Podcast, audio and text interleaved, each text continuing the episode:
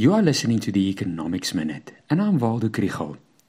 Risk can be measured and managed, but when a situation is unique and the outcome of events is unpredictable, it causes uncertainty.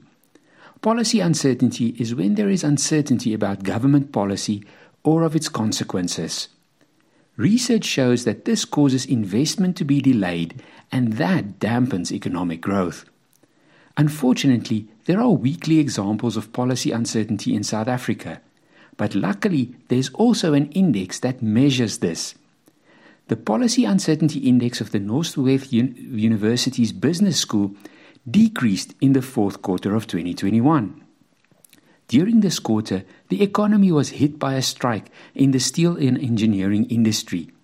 Expansionary monetary policy in the US was started to taper and the Omicron variant of the coronavirus appeared.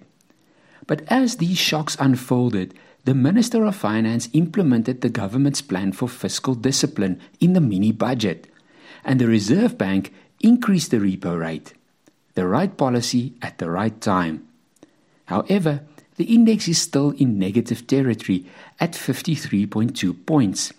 And this shows that the implementation of reforms should be a priority in 2022.